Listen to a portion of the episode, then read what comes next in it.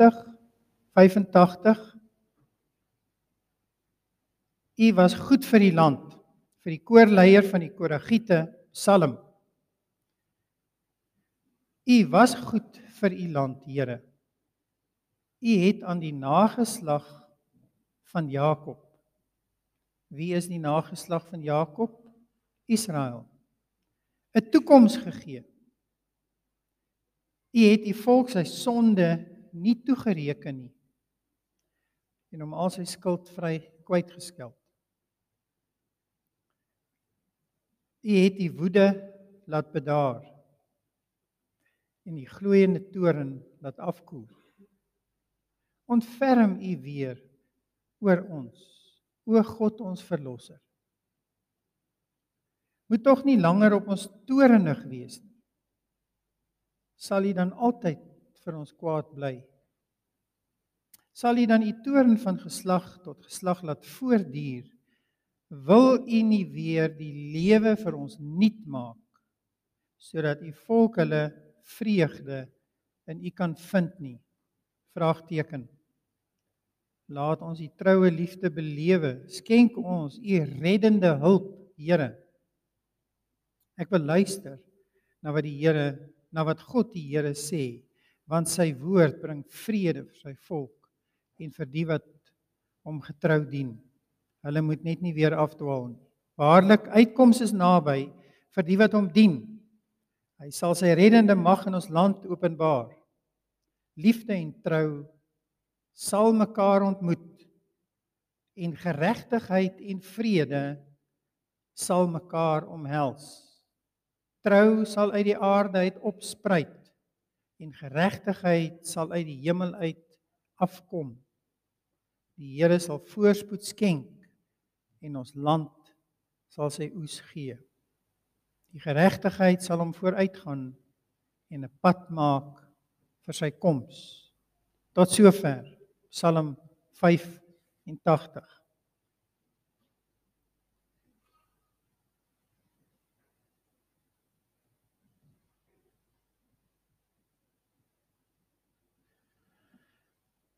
Die afgelope 2 jaar, liewe broer en suster, was uitdagend moeilik. Jy weet wat waarna ek verwys. Hoopelik gaan dit met ons beter gaan in 2022.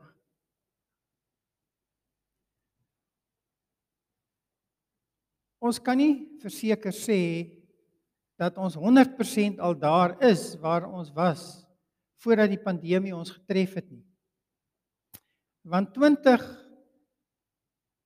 20 en 2021 het ons geleer dat die lewe is onvoorspelbaar. Ek glo elkeen van ons voel dat ons graag hierdie nuwe jaar met 'n positiewe gesindheid wil tegemoet gaan met nuwe krag.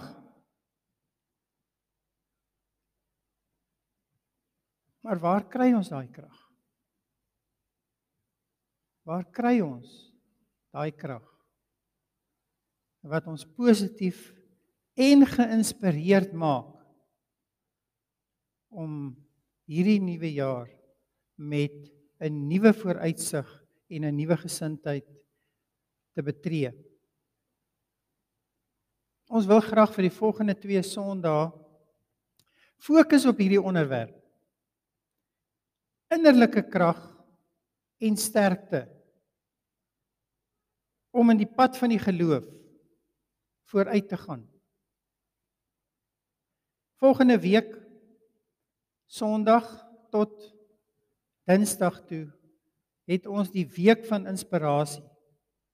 Ons noem dit nou die week van inspirasie. Baie van ons ouer lidmate sal dit herken as die week van gebed.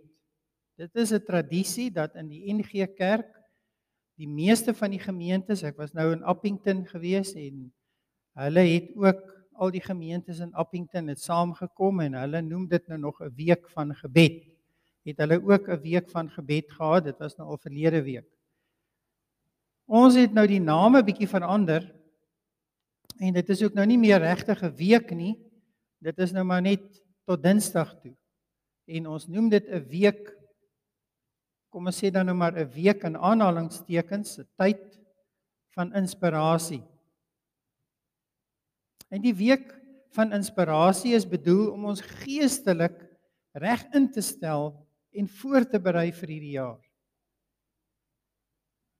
Wat gaan ons vir mekaar sê hier aan die begin van die jaar wat ons 'n bietjie gaan inspireer?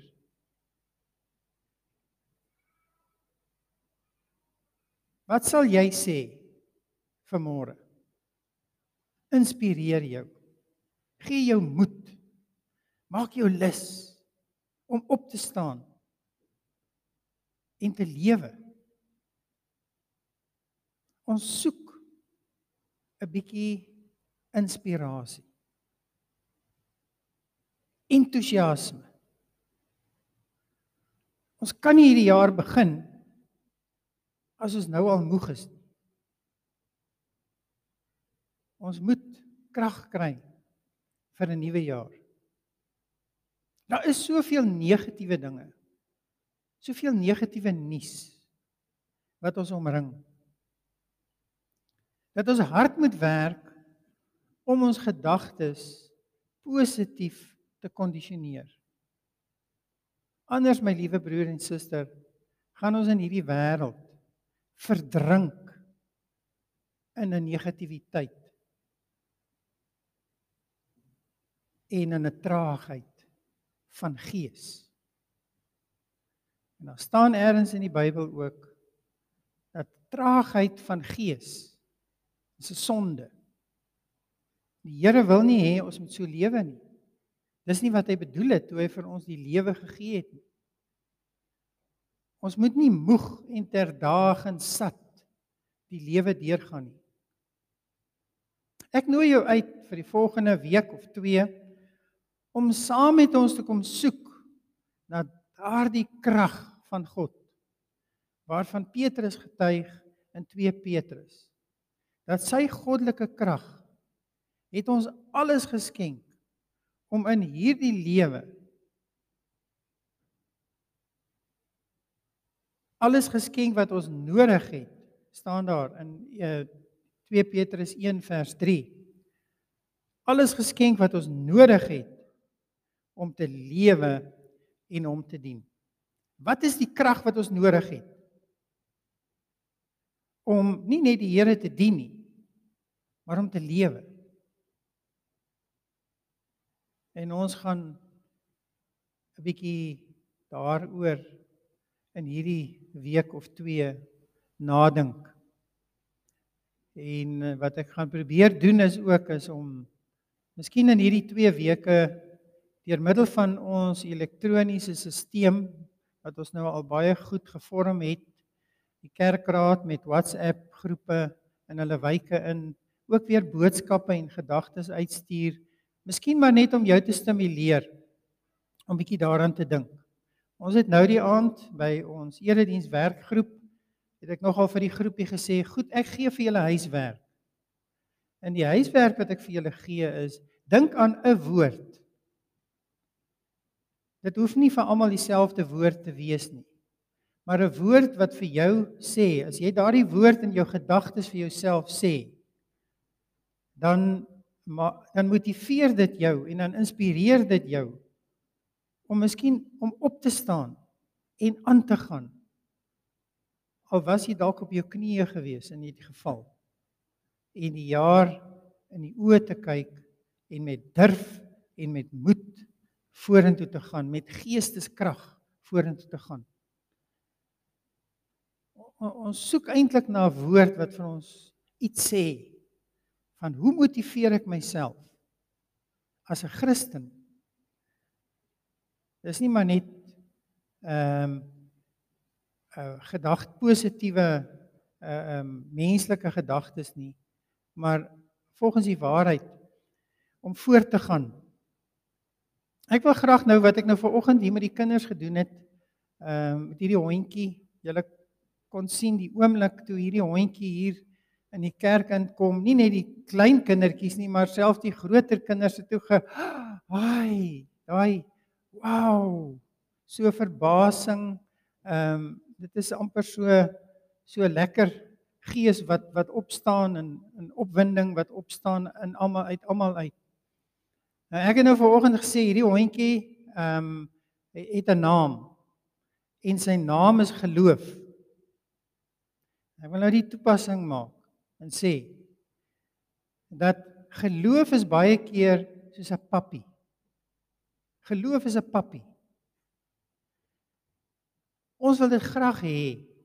Dis begeerlik. Dit maak ons opgewonde as mense tot bekering kom. Miskien kan jy onthou die dag toe jy tot bekering gekom het. Watter opwinding en entoesiasme en hoe begeesterd jy was.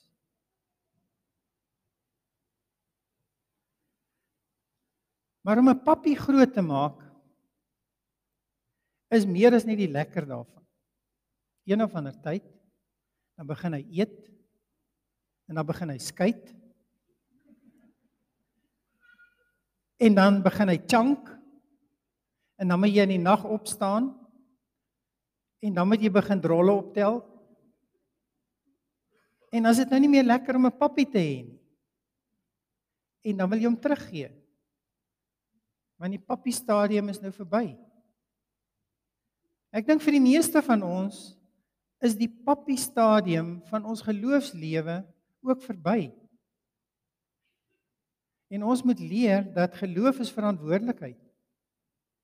Geloof is toewyding. Geloof is harde werk. Ek kan nie in die pappie stadium bly nie. Ek moet ook groei en ek moet groot word. Baie mense se geloof is soos 'n waghond wat net daar by sy bak lê en wag totdat ek hom roep en dan moet hy kom. Net soos 'n hond sy baas se stem ken. Moet ons weet wie met ons praat as die Here met ons praat. En moet ons sy stem ken. Soos Paulus ehm um, soos Dawid skryf in die van die goeie herder in Johannes 10. Die gedeelte wat ons ver oggend gelees het, Psalm 85, is 'n lied wat in die gemeentes, in die Joodse gemeentes, in die sinagoges gesing is en deur die koragiete wat eintlik soort van die musiekbediening was van die uh Joodse gemeenskappe. En as hierdie liedere gesing of gechant, soos hulle sê, en het die gemeentes ook in hulle gees en hulle gedagtes saam met hierdie voorsangers en koragiete ehm um, die liedere gesing. En dis eintlik 'n gebed. Dis 'n versigtiging.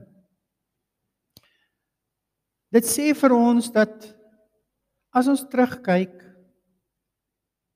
dan kan ons sê die Here was goed vir ons.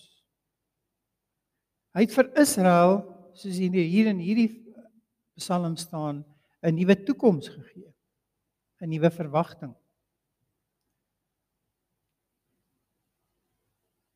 Die gemeente bid en vra dat die Here weer die lewe vir hulle nuut sal maak sodat hulle hulle vreugde in hom kan vind. En die laaste gedeelte van hierdie Psalm gaan oor 'n toekomsverwagting. En is dit nie so mooi? Dis amper so poëties gestel in hierdie Psalm. En liefde en trou. Liefde en trou sal mekaar ontmoet. En geregtigheid en vrede sal mekaar omhels. Waar daar liefde is, daar is ook trou. En waar daar geregtigheid is, daar is daar ook vrede. sê um, in hierdie Psalm. Maar die vers wat ons ver oggend wil by uitkom is in vers 7. Wil U nie weer die lewe vir ons nuut maak sodat ons ons vreugde in U kan vind? Wil U nie weer die lewe vir ons nuut maak? Ek dink in die Engelse vertaling word die woord revive gebruik. Revive. Die lewe nuut maak sodat mense hulle vreugde in die Here kan vind nie. My liewe broer en suster, daar is 'n lusteloosheid. Die kerklike lewe het afgestomp geraak. Daar is net nie meer genoeg energie om dinge te doen nie. Mense het hulle passie verloor om saam te kom en die Here te dien met oorgawe. Alles het moeite geraak in die lewe. Dinge wat mense in die verlede bymekaar gebring het as gemeenskap en opgewonde gemaak het om bymekaar te kom en uitgereik het na ander mense toe het mense begin verveel. Die lewe het selfsugtig geraak. Daar is regtig net nie meer ubuntu nie. Die ouer mense sal nog onthou in 'n tyd toe dit regtig goed gegaan het. Sondag was die kerke vol. Die gemeenskap het uitgereik na mekaar toe. Jonger mense het drome gehad om universiteit toe te gaan en met 'n lewe te begin soos wat ons nou ook wonderlike uitslae van die matriek gesien het. Maar wat lê daar vir hulle voor? Gaan hulle werk kry? Die politieke omstandighede het dit moeilik gemaak vir jong mense in hierdie land om hulle toekoms te sien. Vir mense wat 'n ambisie het. Baie amptenare en werkers het opgehou werk en diens lewer want dit word nie waardeer nie en hulle sien maar hoe almal en alles rondom hulle tot niet gaan. Ons gaan nog aan. En ons is dankbaar vir die werk wat ons het en vir die lewe wat ons het. Maar dit maak ons nie meer opgewonde nie. Ons probeer hard om nie negatief te wees nie. Maar die stroom is net so sterk. Ons het herlewing nodig. Ons het herlewing nodig. Dit sal die lewe weer vir ons nuut maak. Dit sal mense se lewens verander. Nie net mense se lewens verander, nuut maak. Dit sal 'n hele gemeenskap transformeer. Almal van ons onthou nog nie almal van ons nie. Die van ons wat dit nog onthou en gelees het oor die vorige herlewings in hierdie land. En as ons vandag deur ons land ry en ons ry hier in die Oos-Kaap en ons sien hierdie pragtige kerke wat hier staan. Kerk in Tarkastad, die kerk in Dordrecht, al hierdie klein plekkies. In hierdie vakansietyd het ek so 'n bietjie Kalahari toe en ek het op Hannover gestop. Ek het nogal moeite gedoen om so by al hierdie klein dorpies aan te ry en daar na die kerk ook te ry en ek het daar in Hannover het ek nou so al om die kerk gery, vreeslike groot kerkterrein en dan stap jy hier so hier onder stap jy by 'n hekkie in en dan is dit so 'n lang paadjie wat hier opstap na hierdie groot kerk toe wat so uittroon bokant hierdie klein dorpie. Ek stop daar by 'n man en 'n vrou wat besig is om goed daar uit 'n huis uit te dra, soos ou matte, lyk my hulle maak skoon en so aan en ek vra vir hom Bly hy hier? Hy sê ja, hy het so 2 2 jaar terug uit die Parel uit Hannover toe getrek om daar te kom bly, maar hy's baie negatief. Ek wil eintlik vir hom vra of hy aan die kerk of hier nog mense kerk toe gaan. En hy sê vir my ja, die klomp het nou weer beklei hier onder mekaar. En nou hou hulle kerk by die rolbalsaal. My kop het sommer net daar geval. Hierdie pragtige kerk wat hier staan, is net 'n monument. Al hierdie kerke in ons land is die nagevolge van 'n geestelike herlewing. Maar wat het ons vandag oorgehou is net monumente. Daar's nie meer mense nie. En 'n kerk sonder mense beteken nie veel nie. Ontferm U tog weer oor ons, o God ons verlosser. staan daar in hierdie Psalm. Ontferm U weer oor ons, soos wat U U oor ons ontferm het in 1850 en 1860, 1870 met die herlewing. Ons verlosser leef. Dis die eerste ding wat ons hier in die begin van 'n nuwe jaar vir mekaar moet sê. Die Here het opgestaan en hy leef. Dis die begin en die einde van ons geloof. Hy is ons verlosser. Beteken kinders, wat beteken 'n verlosser? Om los iemand wat kom om ons los te maak, né? Nee, die woordjie los. Jy's vasgebind, iemand vat jou en hy maak jou vas. Ehm um, en dan kom iemand anders en hy kom maak jou weer los. So die by die duiwel het ons vasgemaak, ons geboei met die sonde. Maar Jesus het gekom en hy het ons losgemaak. Ons is vry. En hy is ons ook ons saligmaker. Wat beteken die woord saligmaker? Die een wat as 'n mens salig, ons praat van ons is salig en gelukkig. Ehm um, salig is eintlik 'n woord wat baie dieper is as om net uiterlik gelukkig te wees. Dis hier 'n innerlike vrede. Dis hier diep diep binne in jou. Maak dit nie saak wat rondom jou gebeur nie, want jy's gelukkig. Jy's innerlik gelukkig en jy het vrede.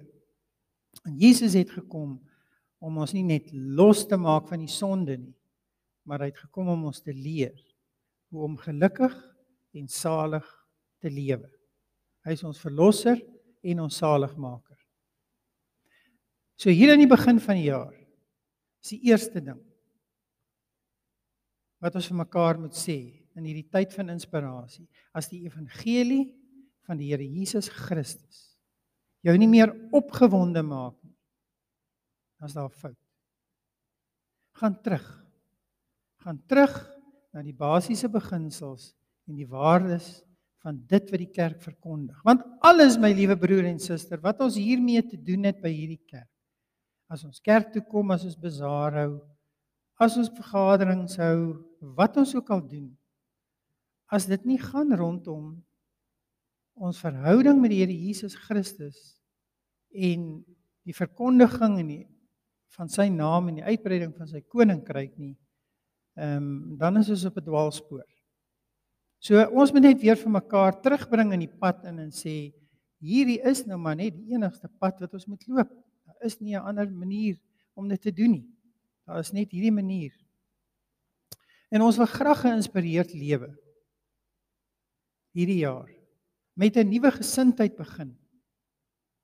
En ons gaan nog verder daaroor praat in die week of so wat kom. En ek wil jou uitnooi om saam met ons te kom dink oor wat is vir jou die bron van krag in jou lewe? Wat maak jou positief? Wat maak jou gemotiveerd? Almal rondom jou is negatief. Maar wat maak jou gemotiveerd om hierdie jaar te begin? Ons het innerlike krag nodig. Geesteskrag. Ons moet soos die vrou daar by die put van Sigar en daardie gedeelte mooi gedeelte in die Bybel. En toe die Here Jesus by haar verbykom en hy sê hy vra vir haar water om te drink, maar wat het sy nou om vir hom te gee? en hy vra die belofte maak en sê maar as jy sal drink van die water wat ek vir jou gee, sal jy nooit weer dors kry.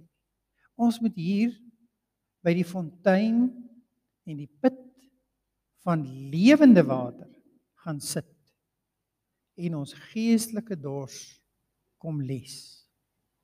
Voordat ons die woestyn intrek. Wil eintlik hierdie beeld gebruik van van 'n uh, eh, mense wat in die woestyn intrek wat eers ehm um, genoeg water moet drink voordat hulle die tog aanpak. Daar is wonderlike beloftes in die woord. En ons gaan die week daarby uitkom en ons gaan onsself net besig hou met die psalms. Ons gaan fokus op die psalms. Psalm 105: Vra na die Here en sy krag. Hou aan om hom te soek. Soek. Wanneer ek die Here roep, antwoord hy my. Hy bemoedig my en hy gee vir my krag. Psalm 138. Die Here gee vir my nuwe krag en lei my op die paaie van geregtigheid. Psalm 23. Gelukkig is hulle wie se krag van die Here afkom. Wat hulle hart rig op 'n pelgrimstog. Ons is Christene is ook maar soos pelgrims wat op 'n 'n pad is na die ewigheid toe. Ons sluit die erediens af. Wil jy ook hê dat die Here in hierdie jaar vir jou dinge sal nuut maak. Nuut maak.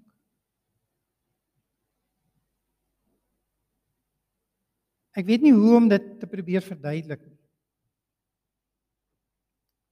Ek het nou baie ge televisie gesien en gehoor en gelees van mense wat hulle hulle bly in die stad en het eintlik 'n goeie lewe.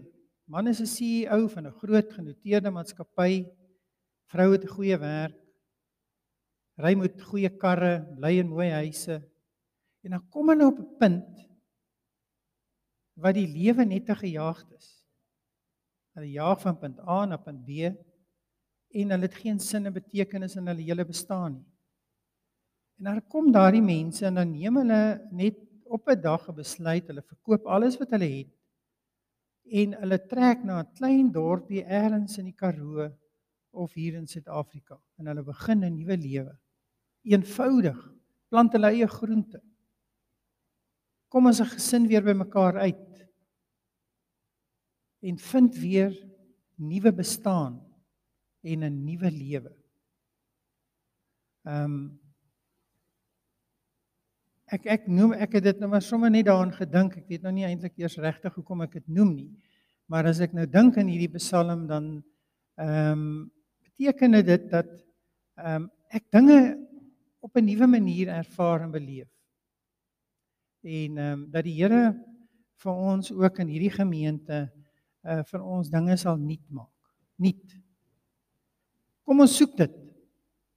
Ons gaan dit 'n mens kan nie iets kry wat jy nie soek nie. My vrou sê altyd vir my, jy soek maar jy kry niks. Jy kyk maar jy kry dit nie. Jy soek.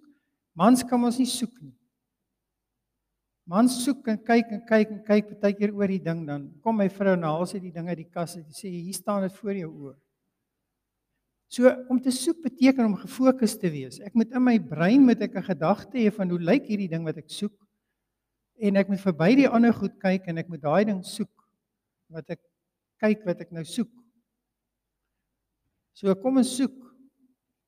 Kom ons soek dit wat ons weet waarop ons gefokus is. Sy woord bring vrede vir sy volk en vir die wat hom getrou dien. Die Here sal sy reddende mag in ons land openbaar. staan daar in hierdie Psalm. Gaan lees maar weer hierdie Psalm. Ek het nie eers by alles uitgekom nie. Maar die kernvraag is hier vanoggend waarmee ek julle huis toe stuur. Dis eintlik 'n versigtiging. Dis 'n gebed. Here, sal U nie weer die lewe vir ons kom nuut maak nie. Amen.